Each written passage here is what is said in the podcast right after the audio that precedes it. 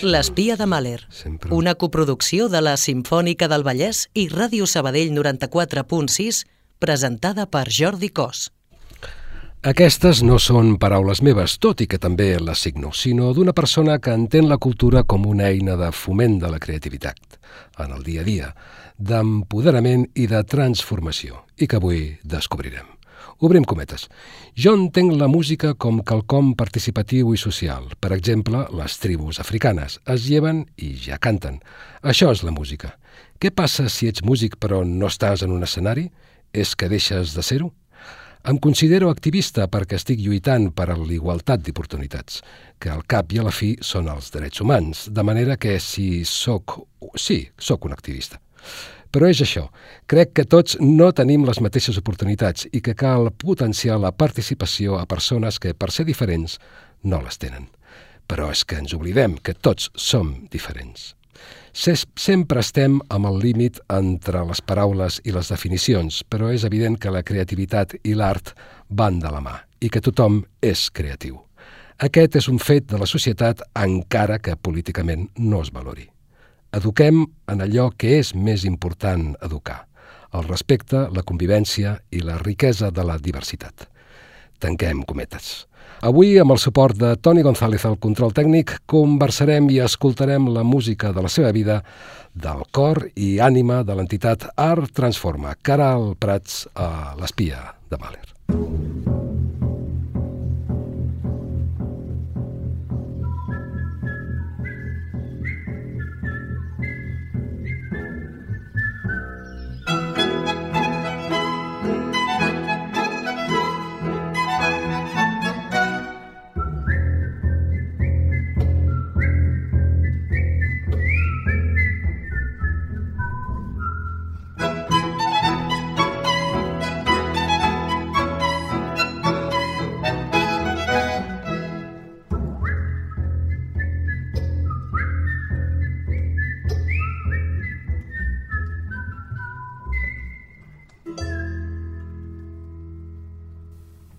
Caral Prats, benvinguda a l'Espia de Mahler i moltes gràcies per voler compartir el teu temps i les teves músiques amb tots nosaltres. Gràcies a tu, Jordi. Del llistat de músiques que han estat importants en algun moment de la teva vida, has volgut que comencéssim en la foscor, amb un nocturn. El nocturn número 2 de Chopin en les mans del pianista Maurizio Polini. Per què? Doncs, eh, bueno, això de la foscor és relatiu, no? Sí. Um, a mi aquesta música em trasllada a la meva infantesa. Uh, quan era petita ja m'agradava molt escriure i escrivia contes i si no els escrivia igualment els llegia i m'agradava gravar-me llegint-los i llavors em posaven el CD eh, música i llavors amb el radiocaset gravava, tenia la música de fons i jo explicant contes a sobre. Era molt petita i feia això, em tancava l'habitació a fer això i llavors utilitzava molt aquest nocturn de Chopin de música de fons pels meus contes. Molt bé, ja feies espectacle ja de petita. Bueno, per mi, jo sola, eh, a l'habitació, m'entretenia així. doncs escoltem en el paisatge blanc i negre del piano com surt el sol d'aquest primer nocturn de Chopin traduït per Maurizio Polini per omplir-nos l'ànima de colors.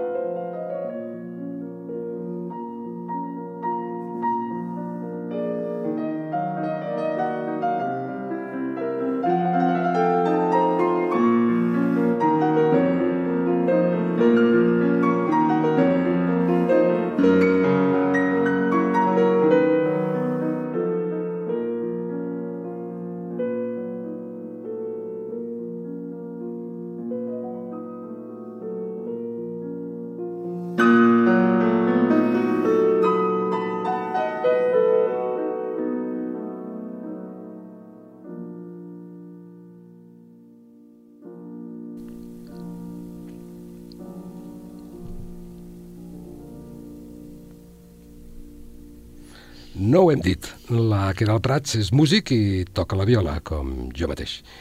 I de violes va la seva segona peça escollida. Un músic català és el seu compositor, Salvador Brutons. Doncs mira, quan vaig estudiar el superior de música a Anglaterra, al Conservatori de Birmingham, eh, podríem dir que no era segurament l'alumne preferida del meu professor, no? sempre amb allò d'estudiar més, estudiar més, i jo estava a Anglaterra aprenent anglès, eh, coneixent a gent, perquè vaig marxar allà no coneixia ningú, jo tenia moltes prioritats per davant d'estudiar la viola, i com que sempre he tingut certa facilitat, doncs anava tirant, i llavors el meu professor es desesperava una mica amb mi i quan va arribar al quart curs, que és com d'especialització i has de fer el projecte final de carrera, i jo vaig triar fer el projecte final de carrera sobre accés a les arts, qui té accés i qui no, i per què, i quines barreres hi ha, i com es poden destruir aquestes barreres, i me'n vaig anar a visitar projectes allà, i, i bueno, ja vaig començar com a agafar el rum que ja no he deixat mai més, amb tot això havia de fer igualment, encara que el projecte final de carrera fos aquest treball,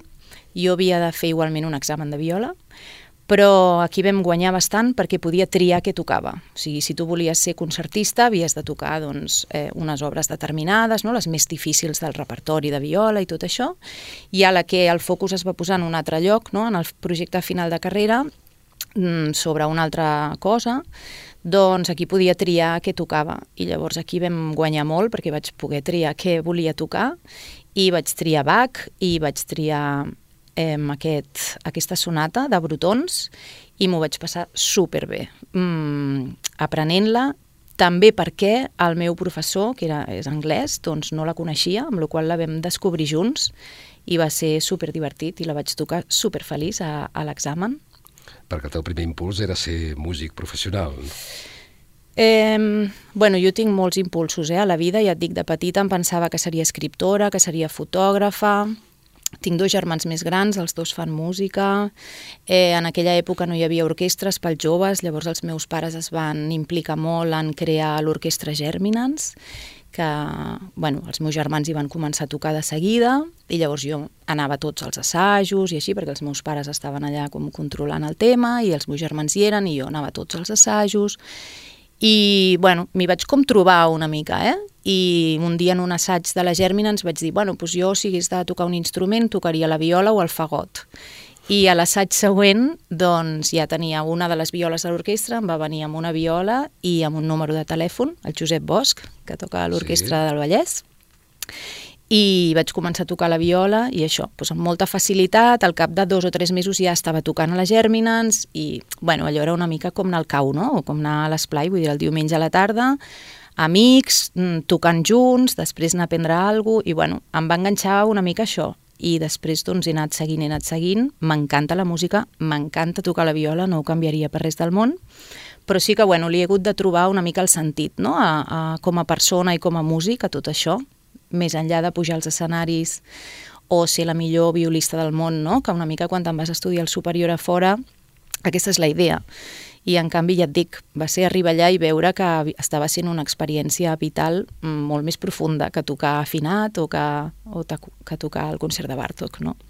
Val, l'obra de Brutons va ser la teva obra del final de carrera? De... Sí, també vaig tocar una suite de Bach i altres coses, però bueno, he triat aquesta això perquè també em va fer com molta il·lusió fer un compositor català no, allà sí, i no? que el meu professor ho descobrís amb mi, doncs, també veure-la ell gaudir no, de, no només fer una classe més i vayan passando, sinó doncs, tots jun els dos junts descobrir aquesta obra. Està bé, doncs escoltem el moviment més alegre, el molt alegre de la sonata per a viola i piano de Salvador Brutons en els dits de Champillà i a la viola i ben recolzat per Albert Jiménez al piano.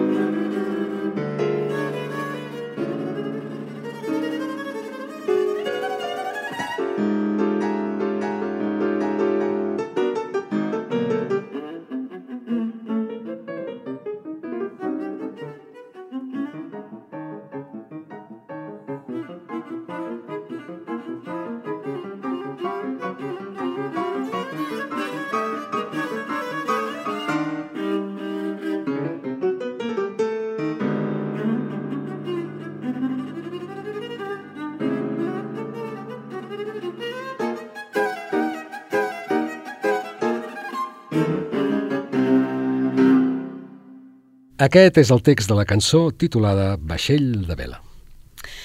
Diu, si tingués un vaixell de vela, viatjaria molt lluny d'aquest lloc. I tu podries estar aquí esperant-me, però jo no tornaria mai, perquè ja he estat aquí abans. M'agradaria escoltar el meu vaixell a l'oceà i saber que el mar es troba sota els meus peus. Vull sentir com si estigués caminant per l'aigua i no córrer en cercles una i una altra vegada. I continua. Sí. Bàsicament, bàsicament la lletra eh, té aquest estribet que diu que voldria marxar molt lluny d'aquí i no tornaria perquè ja hi he estat abans. Després d'un parell d'estrofes, parlant de les sensacions, viatjant, de llibertat, de la bellesa i de... Diu el mateix estribet, però ja no diu no tornaria mai aquí, diu i potser tornaria. I llavors al final de la cançó diu eh, tornaria segur, perquè jo ja he estat aquí abans, no? com que sempre tornes i al final és d'on ets.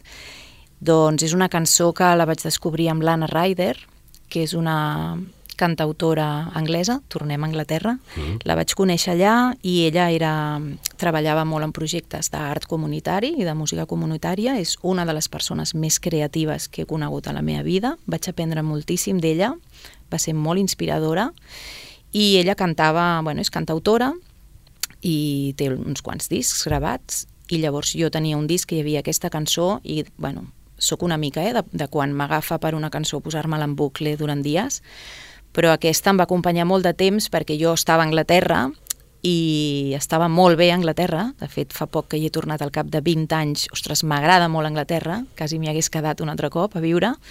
Vaig viure allà 5 anys i, bueno, sempre tens aquesta nostàlgia, no? Amb, quan estàs fora, amb, amb estàs bé a fora, però bueno, i Barcelona, no? I, i tot el que has deixat aquí i d'on tu vens. Llavors aquesta cançó bueno, em representava molt, no? De dir, no tornaré mai més perquè no, tot el que Ja. m'està passant aquí és meravellós i jo no vull tornar allà, jo ja m'ho conec, ja està, ho deixo enrere, però després dius, ostres, potser sí que tornaré, no? Allò de visita.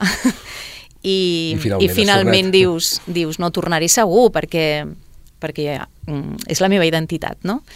I tot això amb una cançó, bueno, amb una melodia, és molt senzilla la cançó, eh? musicalment no té cap, cap misteri ni secret, però jo la trobo preciosa i, i, i hi ha tot això, no? del mar, de la vela, de, de veu, no? que hi haurà tormentes, hi haurà tempestes, vull dir, al final és una cosa de la vida, no de la meva experiència a Anglaterra, no? Ja. però és, és aquesta cosa vital de, de voler buscar la llibertat i voler ser lliures i anar a buscar no sé què, que a lo millor ja tens, no?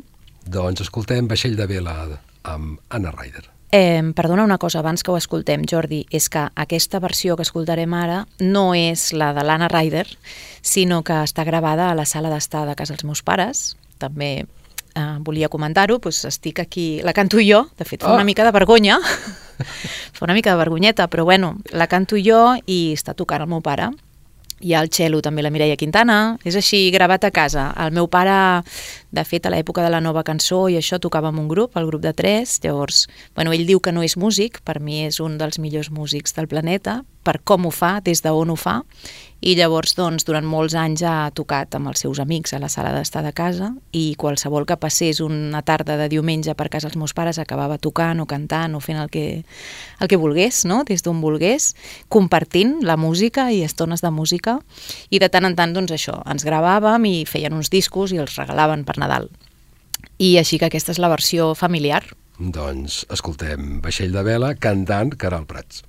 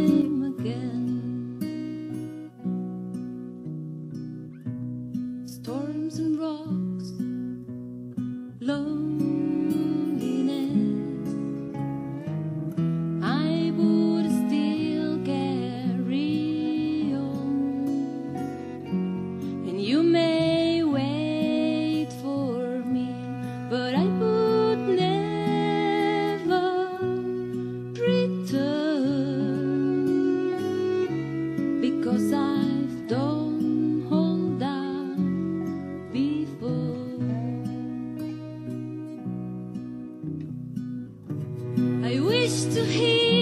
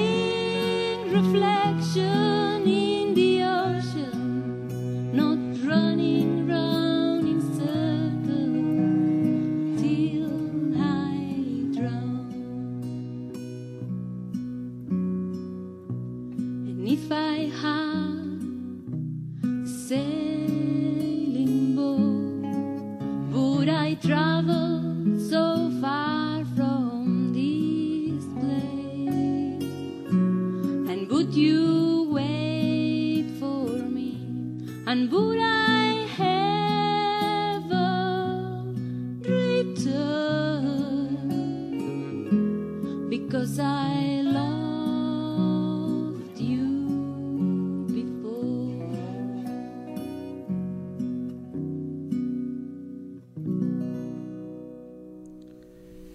I d'un vaixell de vela a un transatlàntic sinfònic, una sinfonia del senyor d'aquest programa, l'espia de Mahler, una sinfonia per a ressuscitar. La sinfonia número 2, Resurrecció, de Gustav Mahler.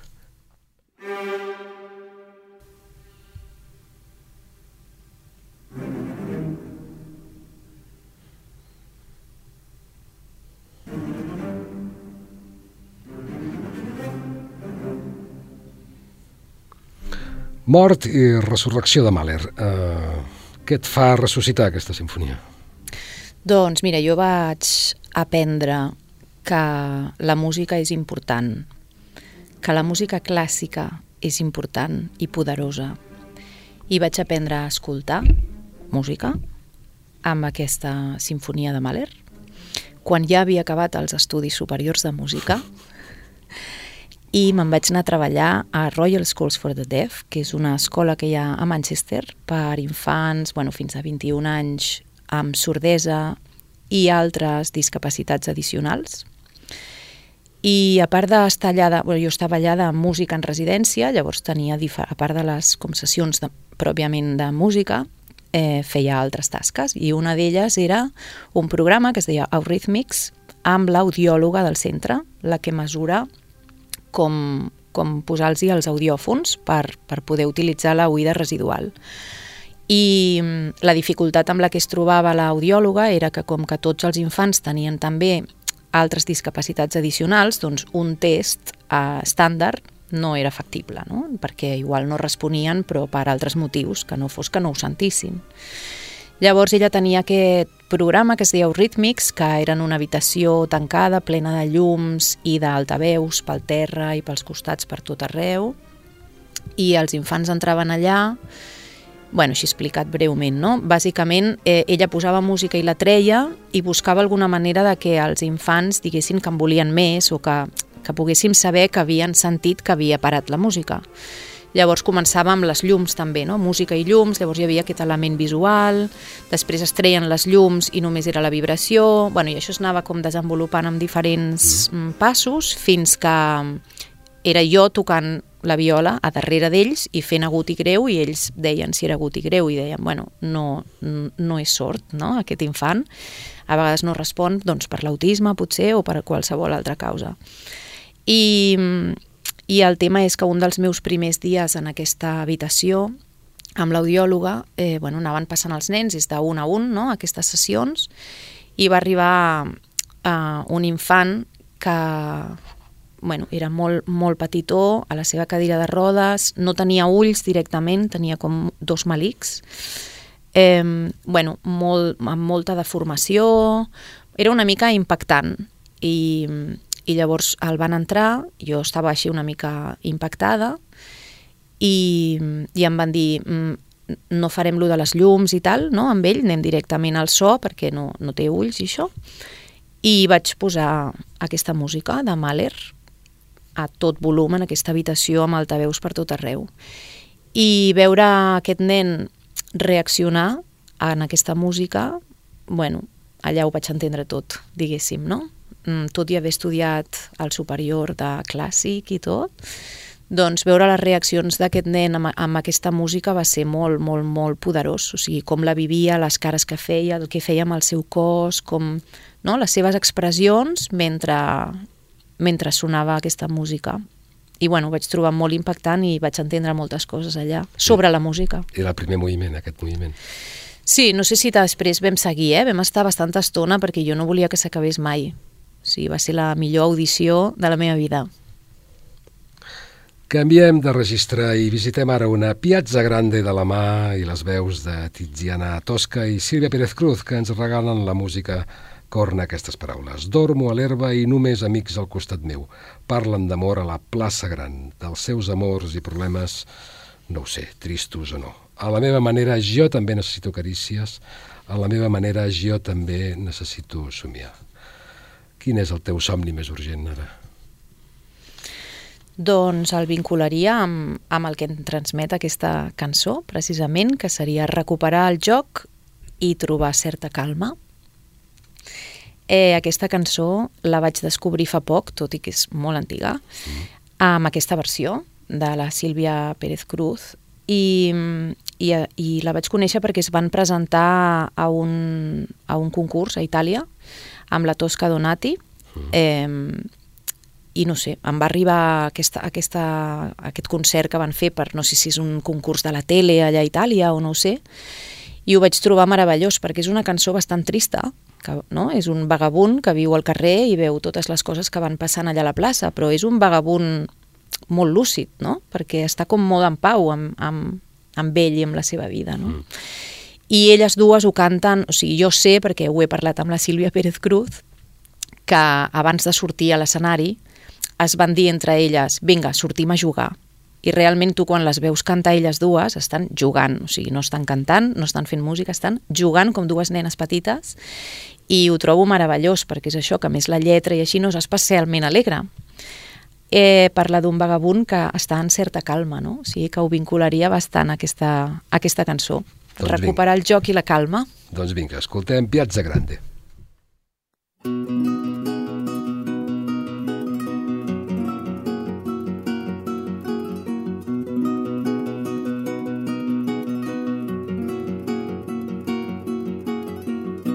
che pagano il mio pranzo non ce n'è sulle panchine in piazza grande.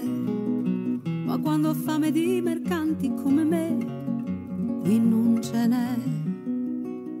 Duermo en la hierba y solo amigos junto a mí hablan de amor en plaza grande, de sus amores y problemas, no lo sé, tristes o no. A modo mio, avrei bisogno di carezze anch'io avrei bisogno di sognare anch'io. Una famiglia vera e propria non ce l'ho, nella mia casa in piazza amore, amore no, quanto ne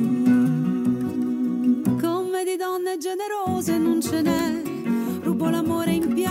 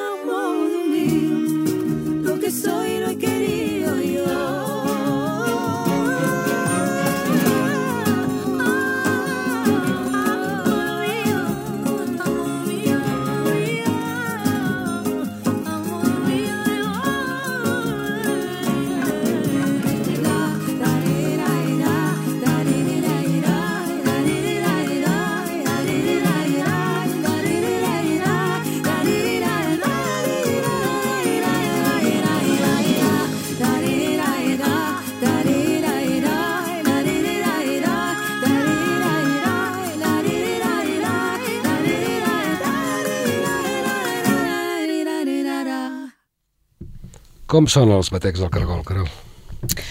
Eh, sonen, sonen bé. Um, a, els vam tocar, tots els batecs de tots els cargols, en un espectacle amb un projecte de concerts per nadons i mm, érem un grup de músics i ballarins la mar de macos i vam fer nosaltres totes les músiques d'aquest disc i era un espectacle molt bonic per petits i grans, s'emocionaven els nadons i també els pares i mares i mm, aquest tema que escoltarem ara, que es diu Estels, doncs és meu, el vaig, va ser, bueno, vam fer una mica tots entre tot, però aquest tema el vaig escriure jo, eh, en aquell moment s'havia mort el meu sogre, i al meu sogre li agradava molt fer volar estels a la platja, i llavors vaig fer aquest tema que a mi em transmet això, el vol d'un estel, no? una mica boig pel cel, i la vam posar dins de l'espectacle.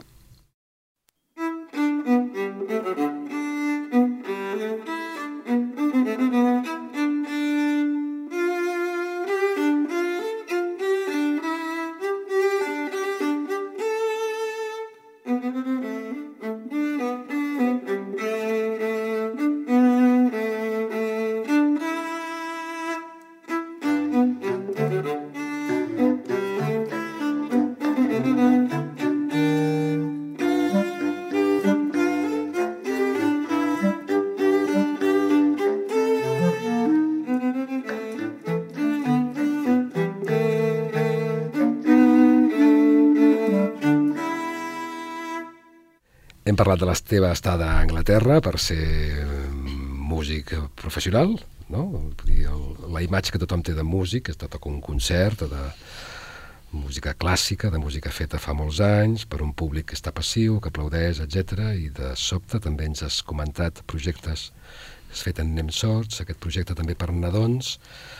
Va haver un moment que va haver un, algun clic de dir no és això el que vull fer, sinó vull fer l'altre, no? Una, Sí. Una, una qüestió...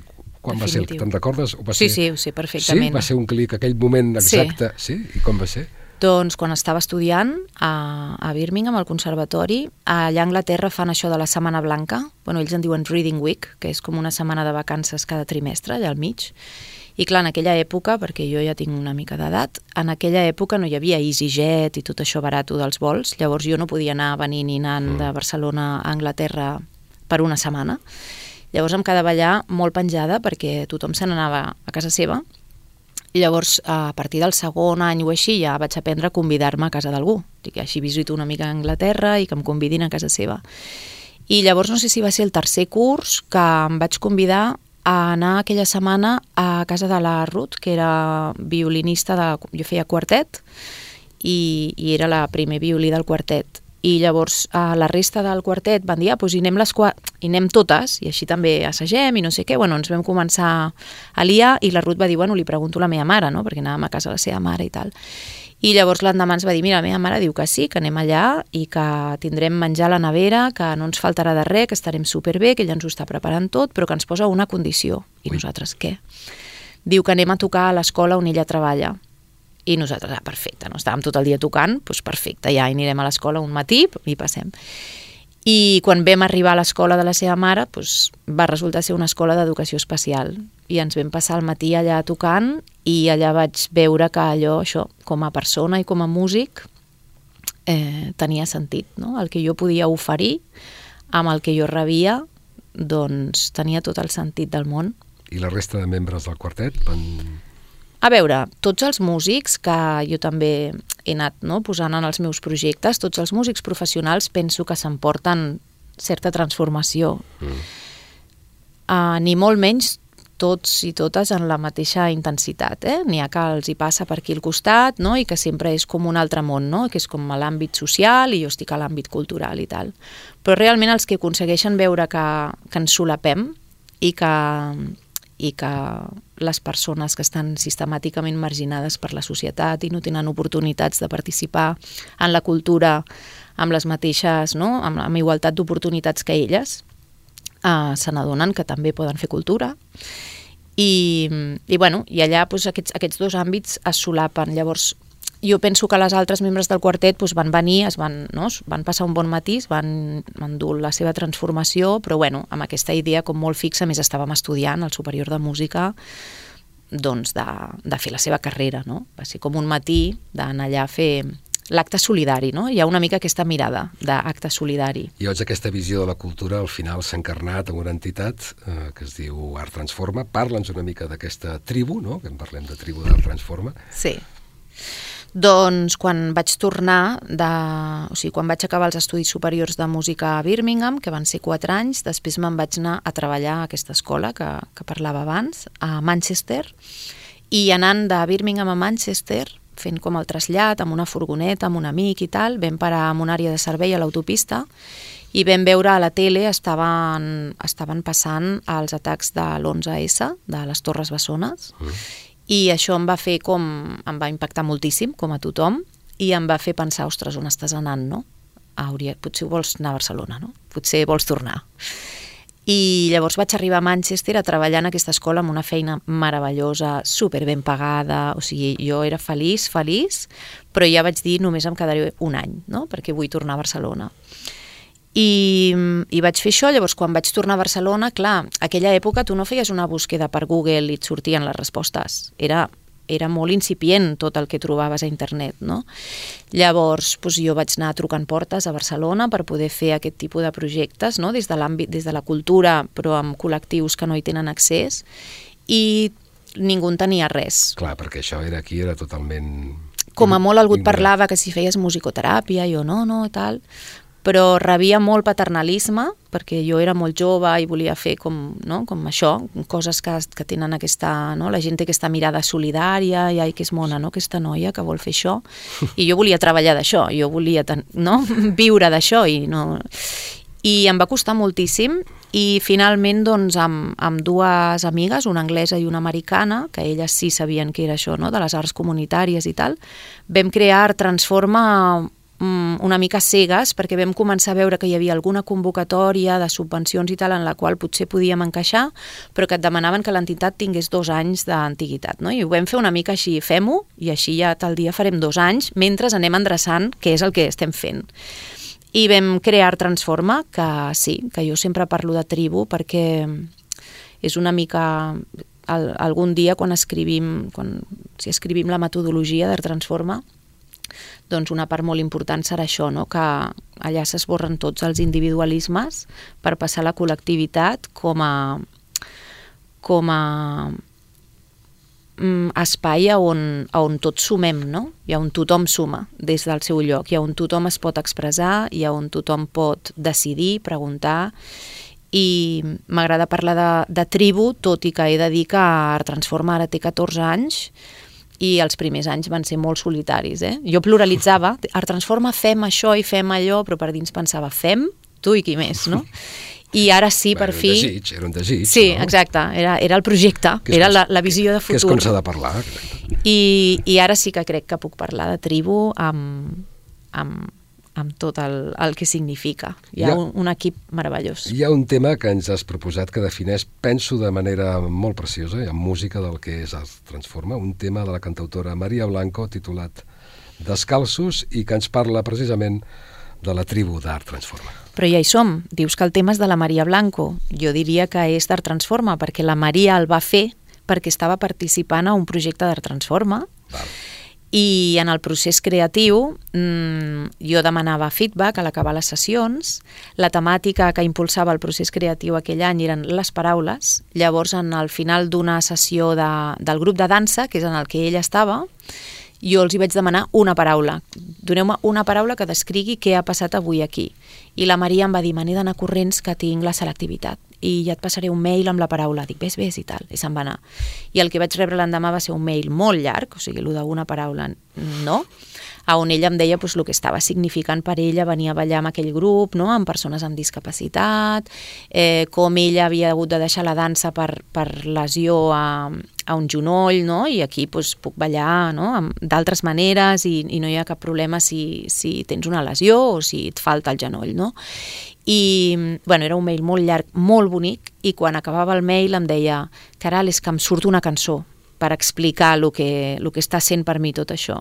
I llavors li vaig dir, mira, se'm fica la pell de gallina, i llavors li vaig dir, envia'm la cançó, i em va enviar un, un vídeo de WhatsApp enfocant els geranis del balcó de casa de la seva mare, on se la sentia ella cantant aquesta cançó, que és super senzilla, però és super preciosa. Sí.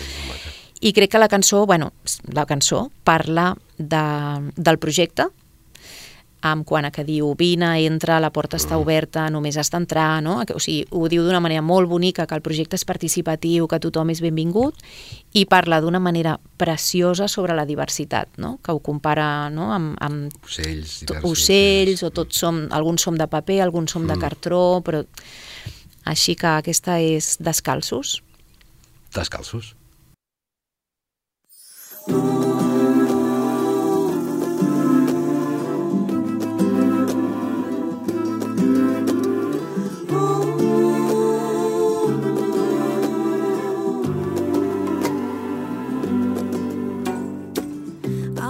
els peus nus anem trepitjant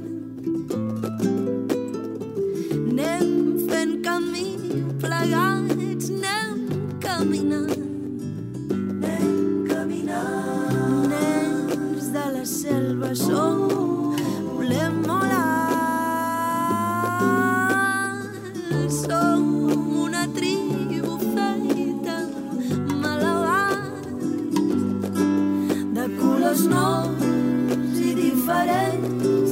Som de cartró o de paper, n'hi ha que són roses, altres clavells. Som de tot tipus, com els ocells, colors nous i diferents. Som de cartró de paper, n'hi ha que són roses, altres clavells.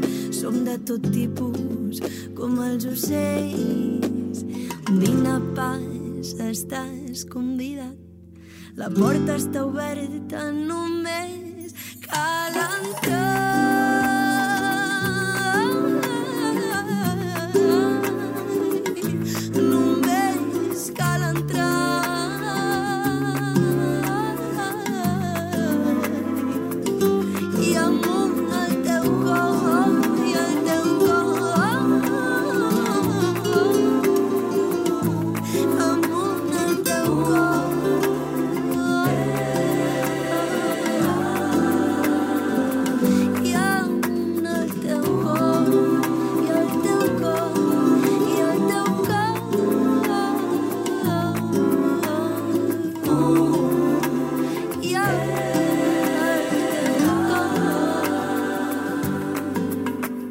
Vine pas, estàs convidat.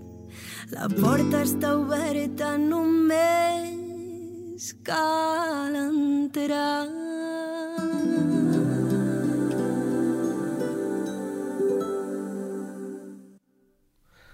El següent tema que ens proposes du com a títol Trimurti. D'acord amb la filosofia religiosa de l'Índia, en la forma del Trimurti s'hi sumen tres dels principals principis suprems que s'observen en el món visible. L'inici creador, el Brahma, el final destructiu, Shiva i el principi defensiu, Vishnu. Uf! Aquest tema forma part d'una edició passada, oi, de l'Orquestra Integrada? Explica'ns una mica què és Sí. Trimurti. Doncs mira, va ser un curs que el procés creatiu que vam fer, vinculat a aquest projecte de l'Orquestra Integrada, era la identitat. Sempre triem una temàtica, no? que abans he dit era paraules, amb aquest tema de la Maria Blanco. Doncs aquesta, aquest Trimurti pertany a una edició que era la identitat.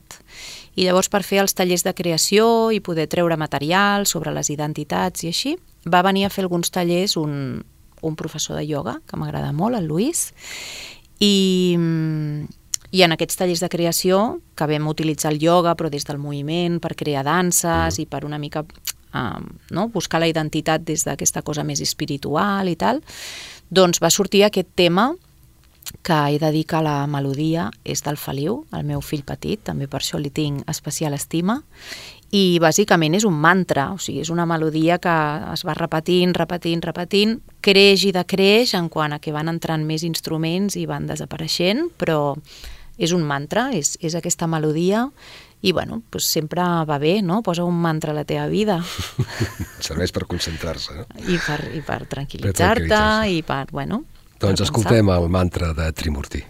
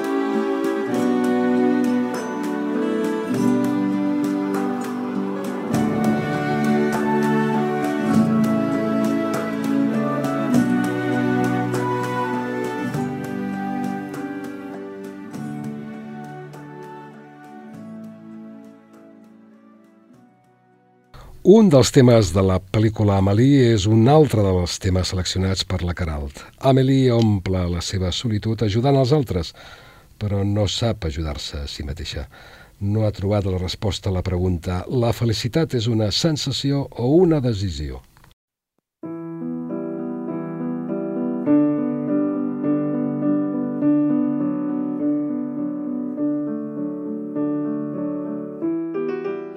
La seva xarxa d'amistats, a les qui Amélie ha donat tant, li donaran la resposta a la gran pregunta empenyent-la a decidir a fer alguna cosa per ella mateixa com a dona, com ho feia per als altres. En el seu cas, obrir la porta a l'amor com a força redemptora.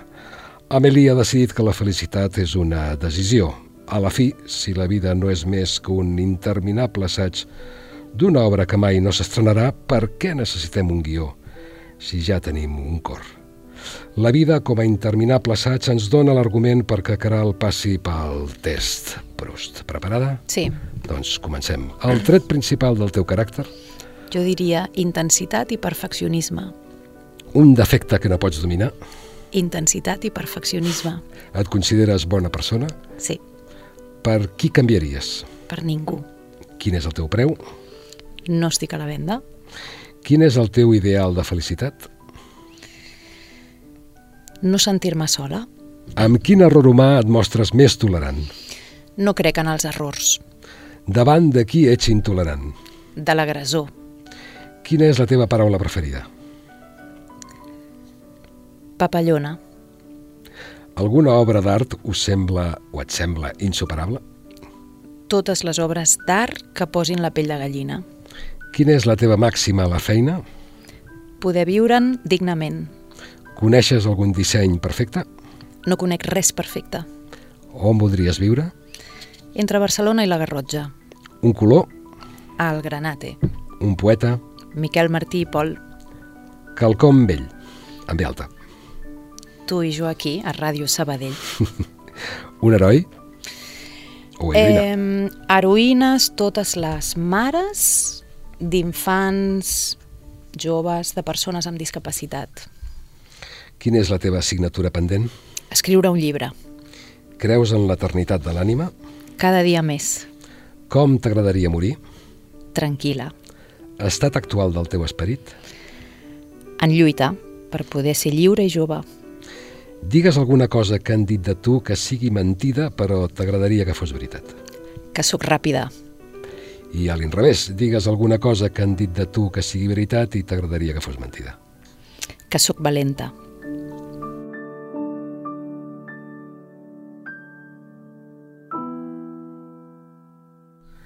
El 21 de maig passat, el diumenge passat, al Mercat de les Flors de Barcelona va tenir lloc una nova edició del projecte d'Art Transforma que lidera la nostra convidada d'avui, Caral Prats. L'orquestra integrada en la que jo hi vaig participar, com en l'edició de l'any passat, al costat dels nens i nenes del conjunt instrumental que dirigeixo, la Graham Clark, integrat per nens i nenes sords amb implant coclear i he de dir que ha estat una de les millors experiències que he tingut aquí, eh, dic com a músic, però diria també com a persona. A la ma- mateixa Caral Prats ens presenta aquest espectacle que duia com a títol Fantasia en el vídeo promocional. Art Transforma presenta La fantasia. Amb la col·laboració especial d'Edna Sey. Nou mesos d'un procés creatiu col·lectiu i transformador. Creativitat. Música. Dansa. Inclusió. Cohesió.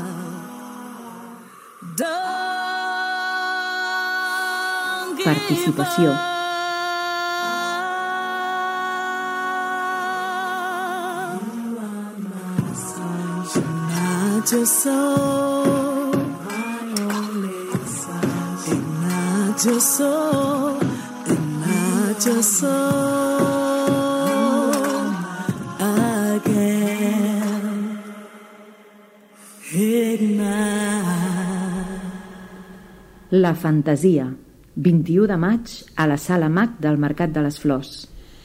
Caral, com ha estat l'experiència? Doncs jo crec que un any més mm, meravellosa. Mm, No cal res, dir res més. Meravellosa ho resumeix tot amb, amb, una, amb una paraula. Ja estàs pensant en l'edició de l'any vinent? sí, Sempre, ja, sempre penso per endavant i, i ja en tinc ganes. Ja tinc ganes de començar, de saber qui participarà, perquè participa gent diferent cada any i de veure com de veure si el Mercat de les Flors ens tornen a acollir, perquè és un espai meravellós. Així que sí, sí, ja, ja hi anem pensant. I la gent que no hi va poder anar, em sembla que es, va, es van registrar també en vídeo, es, es publicarà el vídeo a les xarxes o... Sí, cada any fem de, de les posades en escena d'aquest projecte, fem un petit vídeo resum i la veritat és que no el pengem sencer, però fem aquest vídeo resum i si puntualment algú ens ho demana per alguna cosa, doncs també el sencer, si cal. Si algú el vol, pot demanar-lo. Doncs estarem al cas de la publicació. Tanquem el programa d'avui amb unes paraules dites damunt la banda sonora interpretada a la viola per la mateixa Caral. Per cert, Caral, ha estat un plaer que estiguis avui a l'Espí de Mahler. Moltes gràcies. Un plaer, he estat molt a gust, gràcies per convidar-me. I són les paraules les que va declamar l'Alguer Miquel, cantant de xarango en la passada edició de l'Orquestra Integrada, al maig del 22. Podríem dir que representen l'essència de la conversa que hem tingut avui amb la Caral Prats. L'essència d'Art Transforma i l'Orquestra Integrada. La música entesa com a instrument d'integració que fa que gràcies a persones com la Caral el nostre pas per la vida sigui allò que ens diem els companys de Faristol a l'orquestra abans d'engegar el motor de qualsevol partitura. Bon viatge. El vostre ball imprecís, imperfecte, ens fa de mirall. És aquest món de cara trista el que ens delimita i ens violenta, el que ens valida o ens invalida, el que s'atreveix a medir-nos des de la productivitat, la felicitat, la superfície, i ens vol tristament iguals, avorridament iguals, esgotadament idèntiques. Però no patiu, nosaltres us acceptem tal i com sou. Així, cadascú amb les seves coses, meravellosament diverses, infinitament singulars, úniques. Així és com ens estimem, tan senzill i tan gegant. Així és com celebrem la vida i el vostre miracle. Moltes gràcies.